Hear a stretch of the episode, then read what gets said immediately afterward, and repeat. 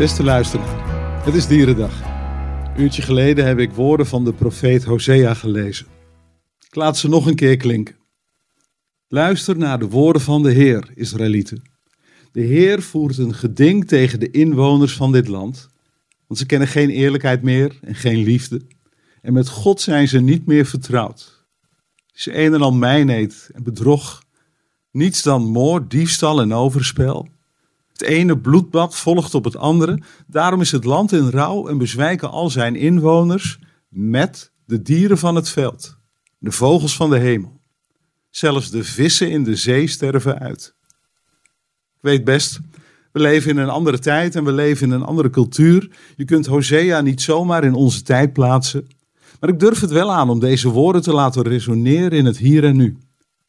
Als we de eerlijkheid uit het oog verliezen, als we de liefde uit het oog verliezen en als God niet meer is dan een vaag begrip uit het verleden, dan wordt deze wereld er niet beter op. Dan storten we deze wereld met alles erop en eraan in de afgrond.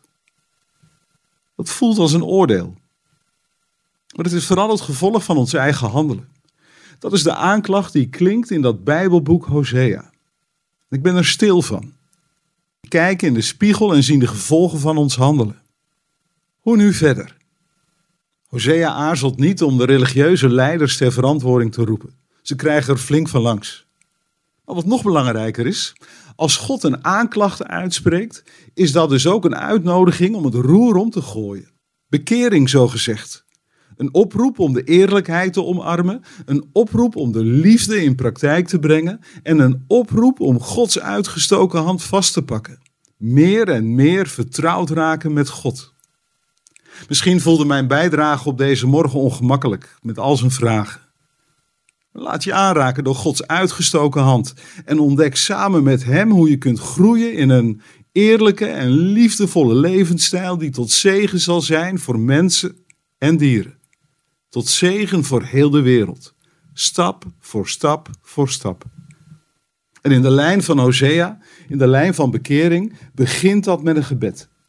Je verbindt je met God je spreekt je vertrouwen in Jezus uit. En je verlangt naar meer van de Heilige Geest. Vertrouwd zijn met God. En natuurlijk is er meer te zeggen als het gaat over klimaatverandering. Dat overstijgt persoonlijke keuzes. Regeringen en bedrijven zijn ook aan zet. Maar ik eindig nu met een gebed. Een gebed van Franciscus. En je weet misschien, zijn naam is verbonden aan Dierendag.